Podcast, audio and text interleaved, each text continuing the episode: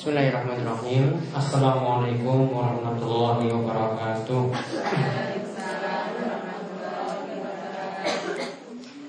Innalhamdulillah Nahmaduhu wa nasta'inuhu wa nastaghfiruh Wa billahi min shururi anfusina wa min sayyiati a'malina.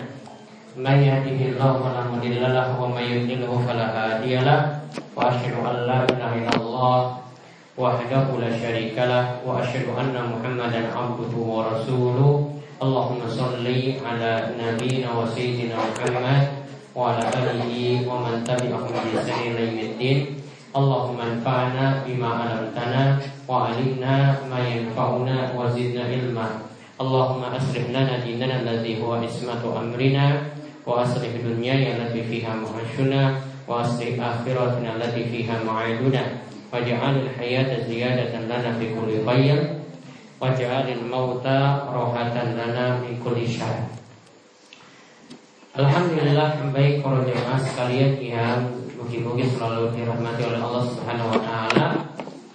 Alhamdulillah pada malam hari ini kita dipermudah oleh Allah Subhanahu wa taala untuk berkumpul di masjid yang mulia ini dengan satu tujuan yang mudah-mudahan niatan kita itu ikhlas karena Allah Subhanahu wa taala. Niatan kita adalah untuk menuntut ilmu, untuk belajar. Yaitu pada malam hari ini kita akan melanjutkan kajian rutin kita setiap malam Sabtu yaitu membahas tentang masalah video wanita dan juga kita nanti tambah dengan pembahasan tafsir Al-Quran yaitu tafsir Juz Amma. Materi kita pertama kita bahas terlebih dahulu tafsir Juz Amma Jadi dibuka Al-Quran yang terlebih dahulu. Kita bahas tafsir surat Al-Falq Mesti hafal no?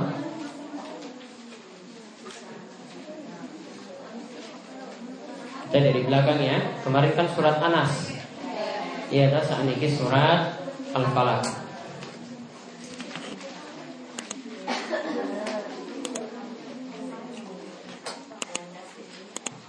on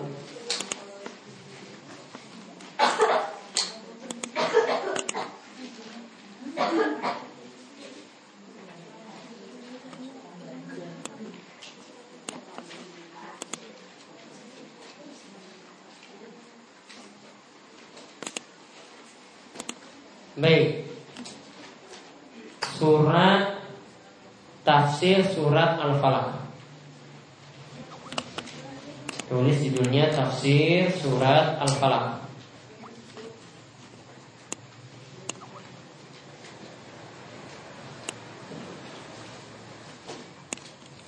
Falak itu artinya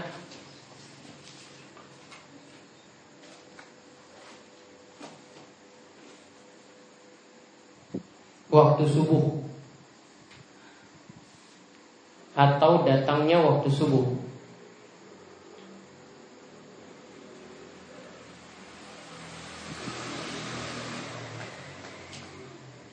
Ya, coba kita mau sesarangan surat Al-Falaq saking taus. Ya, satu, dua, tiga. A'udzu billahi minasy syaithanir rajim.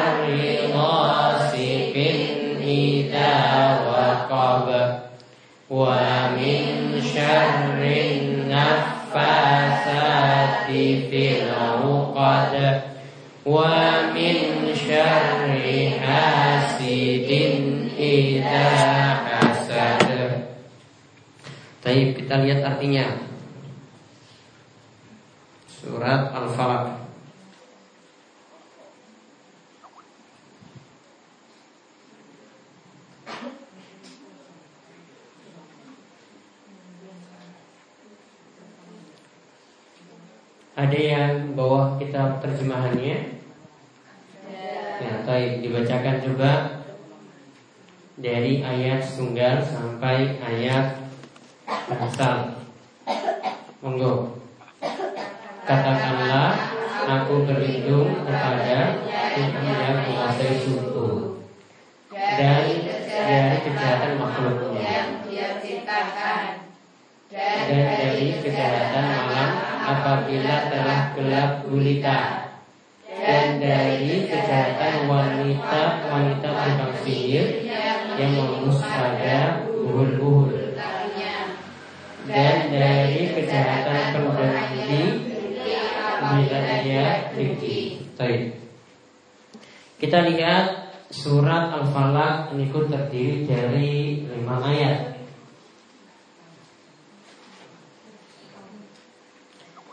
Ya ini terdiri dari lima ayat.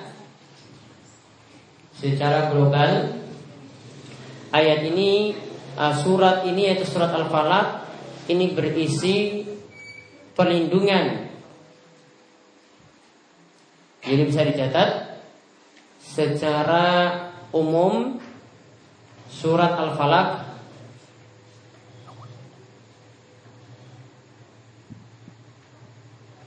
berisi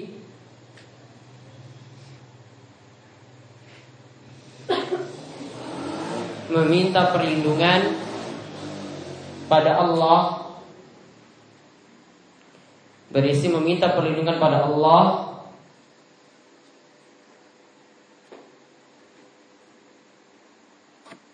Dari kejahatan makhluknya. Dari kejahatan makhluknya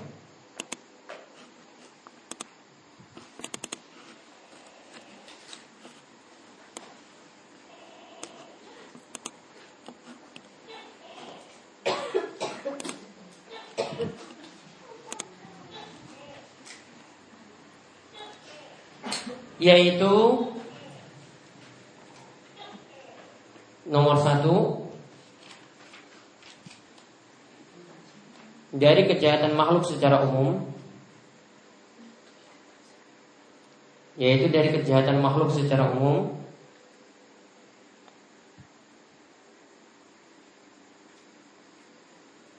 kemudian yang kedua dari kegelapan malam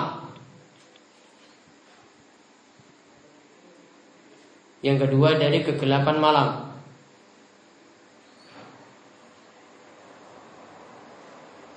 Yang ketiga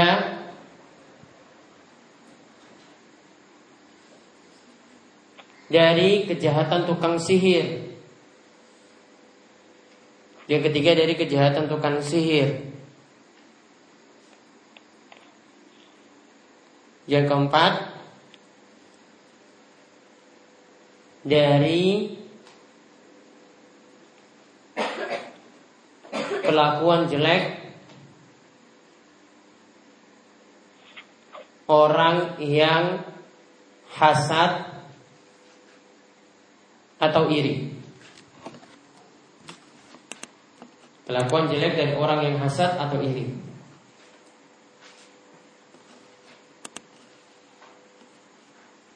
Pun jadi berapa hal yang kita minta perlindungan dalam surat Al-Falaq? Empat. Yang pertama dari kejahatan makhluk secara umum.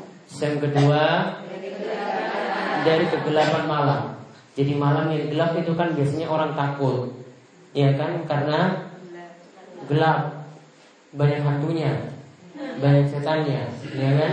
Kemudian yang ketiga dari kejahatan tukang sihir. Nah kalau sihir itu berbuat sesuatu kita itu tidak tahu. Ya, ada orang yang memerintah atau dia yang mengganggu kita secara langsung menyihir dan seterusnya dengan tingkah lakunya yang jelek, kadang dengan jimat, kadang dengan mantra-mantra. Ya, pokoknya dia bertindak seperti itu sehingga mencelakakan orang lain. Kemudian yang keempat dari sifat iri atau hasad dari orang yang hasad. Tidak ada orang-orang yang iri dengan kita, ya, maka membuat kita juga bisa celaka. Kita lihat di sini Pertama kali Allah Subhanahu wa taala katakan dengan qul a'udzu birabbil falaq. Katakanlah aku meminta perlindungan kepadamu birabbil falaq. Ditulis rabbil falaq Rabbil falaq yang dimaksud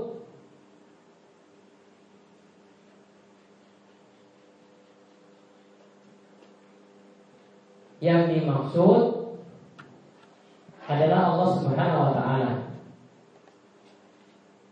Yang dimaksud itu adalah Allah Subhanahu wa taala.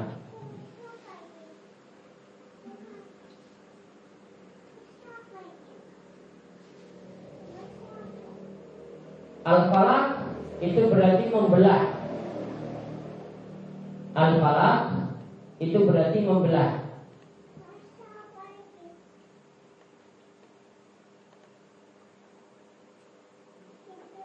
Jadi jika ada biji yang terbelah itu disebut falak. Jika ada biji yang terbelah itu disebut falak. Maka waktu subuh itu disebut falak karena setelah waktu subuh itu datang, ya, dia seperti memekar. Jadi subuh lama-lama terang-terang terang-terang. Jadi dari gelap kemudian jadi terang-terang terang sehingga subuh itu disebut dengan falak. Karena dari malam kemudian terbelah jadi terang. Jadi bisa ditulis subuh disebut falak karena dari malam terbelah menjadi terang.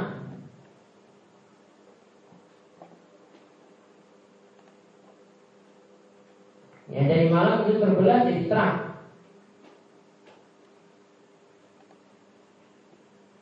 Nah itu kenapa disebut falak seperti itu. Jadi Rabbil Falak berarti ya tulis Rabbul Falak berarti zat yang menguasai waktu subuh. Berarti zat yang menguasai waktu subuh.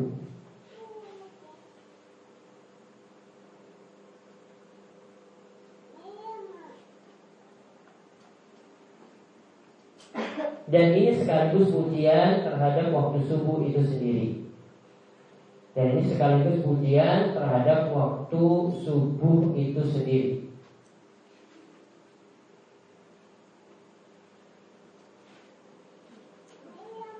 Namun kalau kita lihat rentetan cerita Ayat ini nanti bukan menjelaskan tentang pagi harinya Namun kebanyakan peristiwa yang disebutkan dalam ayat ini itu menjelaskan yang terjadi di malam hari kejahatan-kejahatan yang terjadi di malam hari.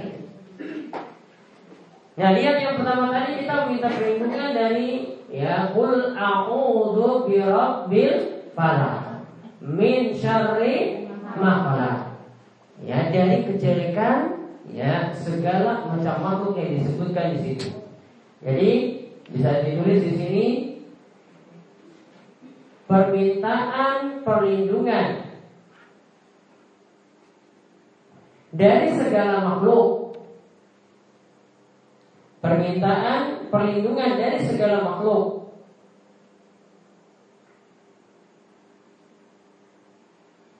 Yang dimaksud adalah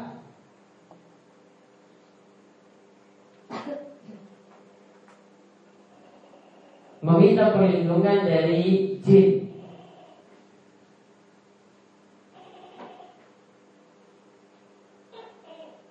dari manusia.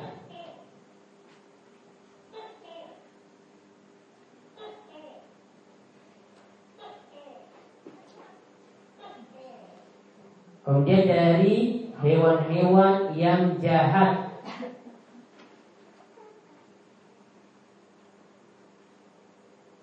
Ya sekali lagi dari manusia, dari jin, dan dari hewan-hewan yang jahat pokoknya kejelekan setiap makhluk ditambah lagi dengan benda-benda yang bisa mencelakai.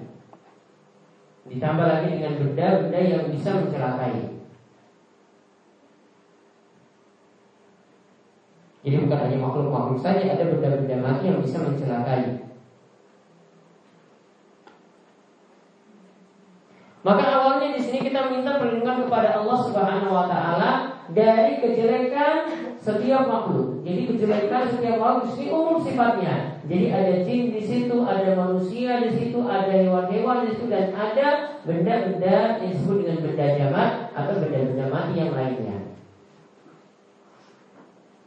Nah, baru setelah itu Allah Subhanahu wa taala rinci. Yang empat di sini, tiga yang lainnya itu adalah rincian dari yang pertama. Yang pertama Ghasikin idza waqab Tulis Ghasikin idza waqab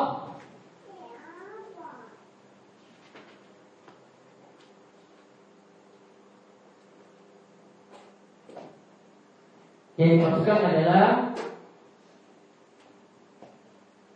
Meminta perlindungan Dari malam. Meminta perlindungan dari malam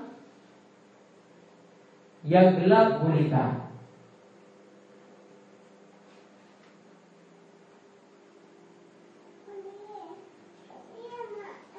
Dan ketika itu banyak makhluk-makhluk jahat Dan ketika itu banyak makhluk-makhluk jahat Dan juga hewan-hewan dan juga hewan-hewan yang berkeliaran.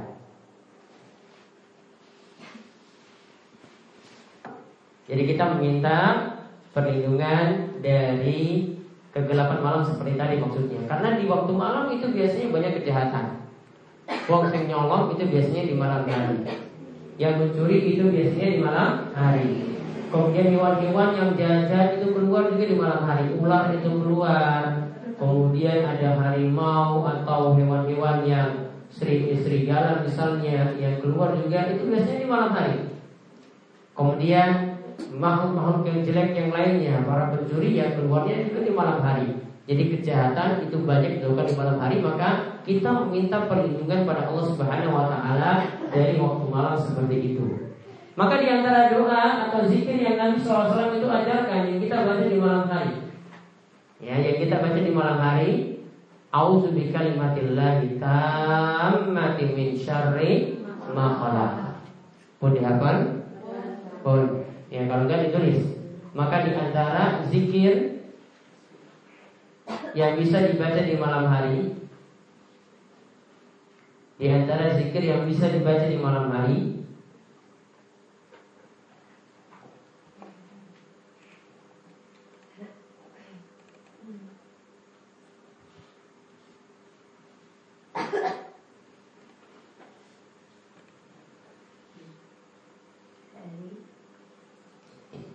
Dari apa saya ulang? Ya, yang dibaca di malam hari yaitu a'udzu. Saya tutup ya ditulis a'udzu.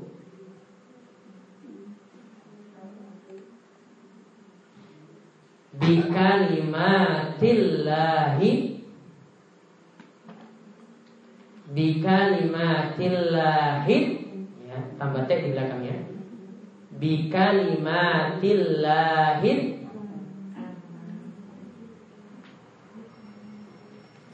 A'udzu bikalimatillahid tammati. Tanya panjang. Tammati.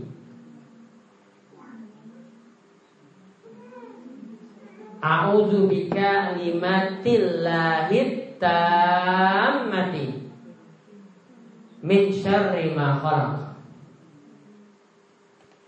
min syarri ma khalaq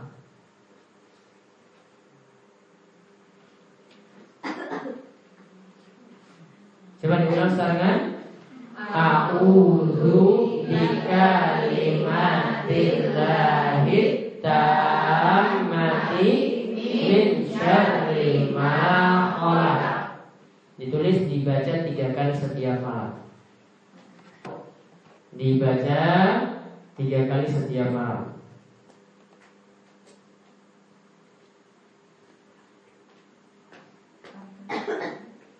Artinya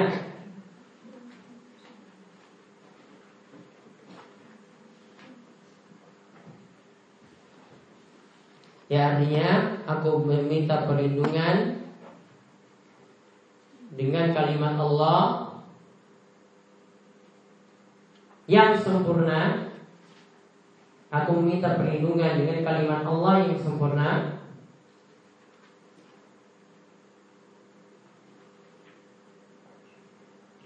dari kejahatan setiap makhluk. Dari kejahatan setiap makhluk.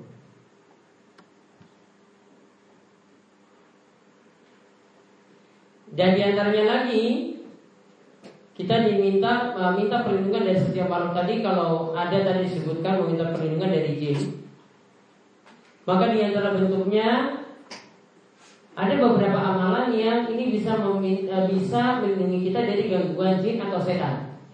Contohnya di malam hari itu diperintahkan untuk menutup lawang, menutup pintu, ya.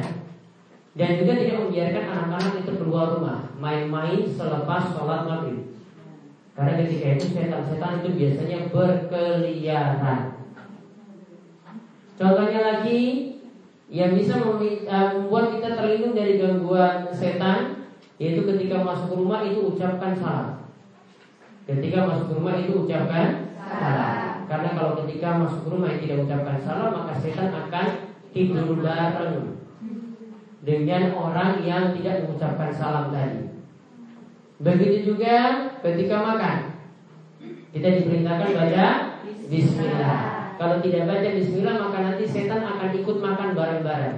Kalau dia makan bakso, gak baca bismillah berarti baksonya itu setan makan bareng dia. Untuk setan itu gak kelihatan. Kalau kelihatan, ya dia tahu nanti sampingnya itu setan akan rampas semua makanannya tadi. Ya. Namun alhamdulillah setan itu tidak kelihatan makhluk gaib. Ya, dan jangan bikin setan itu terlihat. Kalau setan terlihat, nanti setiap yang bangun subuh itu dikencingi setan terus nanti dia akan rasakan kencingnya seperti apa. Jadi bagusnya memang setan tidak terlihat seperti tadi. Dan ada beberapa amalan lagi yang bisa melindungi kita ya agar kita tidak diganggu dengan gangguan-gangguan jin semacam itu. Kemudian ini juga di waktu subuh kaitannya dengan waktu subuh. Nabi Shallallahu Alaihi Wasallam itu menyebutkan ya bahwasanya kita bisa terhindar dari gangguan setan di waktu subuh dengan melakukan tiga dia agar terlindung dari gangguan setan di waktu subuh dengan melakukan tiga langkah. Yang pertama,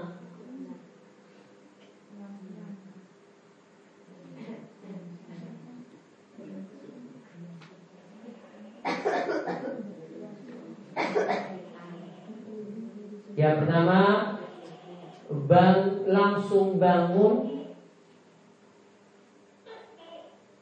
dan berzikir pada Allah. Langsung bangun dan berzikir pada Allah. Yaitu baca doa bangun tidur. Ribut doa bangun tidur. Alhamdulillahilladzi ahyana ba'dama ilaihin nusyur. Itu diamalkan yang pertama kali. Bangun terus baca doa tadi. Jangan dilanjutkan tidur. Kalau lanjutkan tidur, nanti saya akan sebutkan masalahnya itu ada. Yang kedua, segera berwudu. Jadi jangan cuma nongkrong-nongkrong saja atau di bantal jangan. Ambil air wudhu. Kemudian yang ketiga lakukan sholat. Yang ketiga lakukan sholat. Jika tiga hal ini dilakukan, tulis jika tiga hal ini dilakukan,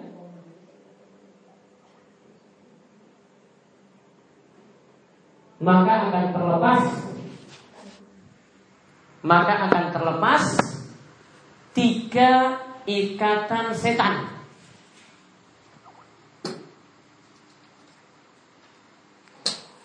Yang sudah diikat semenjak kita tidur.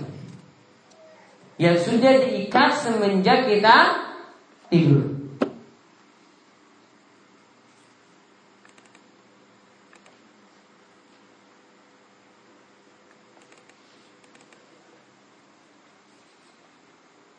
Coba lihat tadi yang pertama itu apa? Kiat yang pertama langsung bangun dan berzikir. Baca alhamdulillahilladzi ahyana ba'dama amatana wa ilaihin nusyur. Yang kedua, ambil air wudhu. Yang ketiga, lakukan sholat. Entah mau dia sholat tahajud atau langsung sholat subuh. Nah lihat di sini hadis yang bicarakan tanggal ini nanti ada faedahnya. Kenapa kita diperintahkan tiga hal tadi ketika di subuh hari? Yaitu kata Nabi SAW dalam hadis Abu Hurairah radhiyallahu anhu, yakidu syaitan ala qafiyati ra'si ahadikum idza huwa nam salasa uqadin. Kata Nabi SAW, setan itu nanti akan mengikat atau membuat ikatan di tengkuk. Di sini ya, bagian akhir kepala belakang ini loh. Di tengkuk seseorang di antara kalian sebanyak tiga ikatan. Sebanyak tiga ikatan. Maka nanti di tengkuknya ini atau di ikatan tersebut setan itu akan mengatakan yadribu ala kulli uqadatin.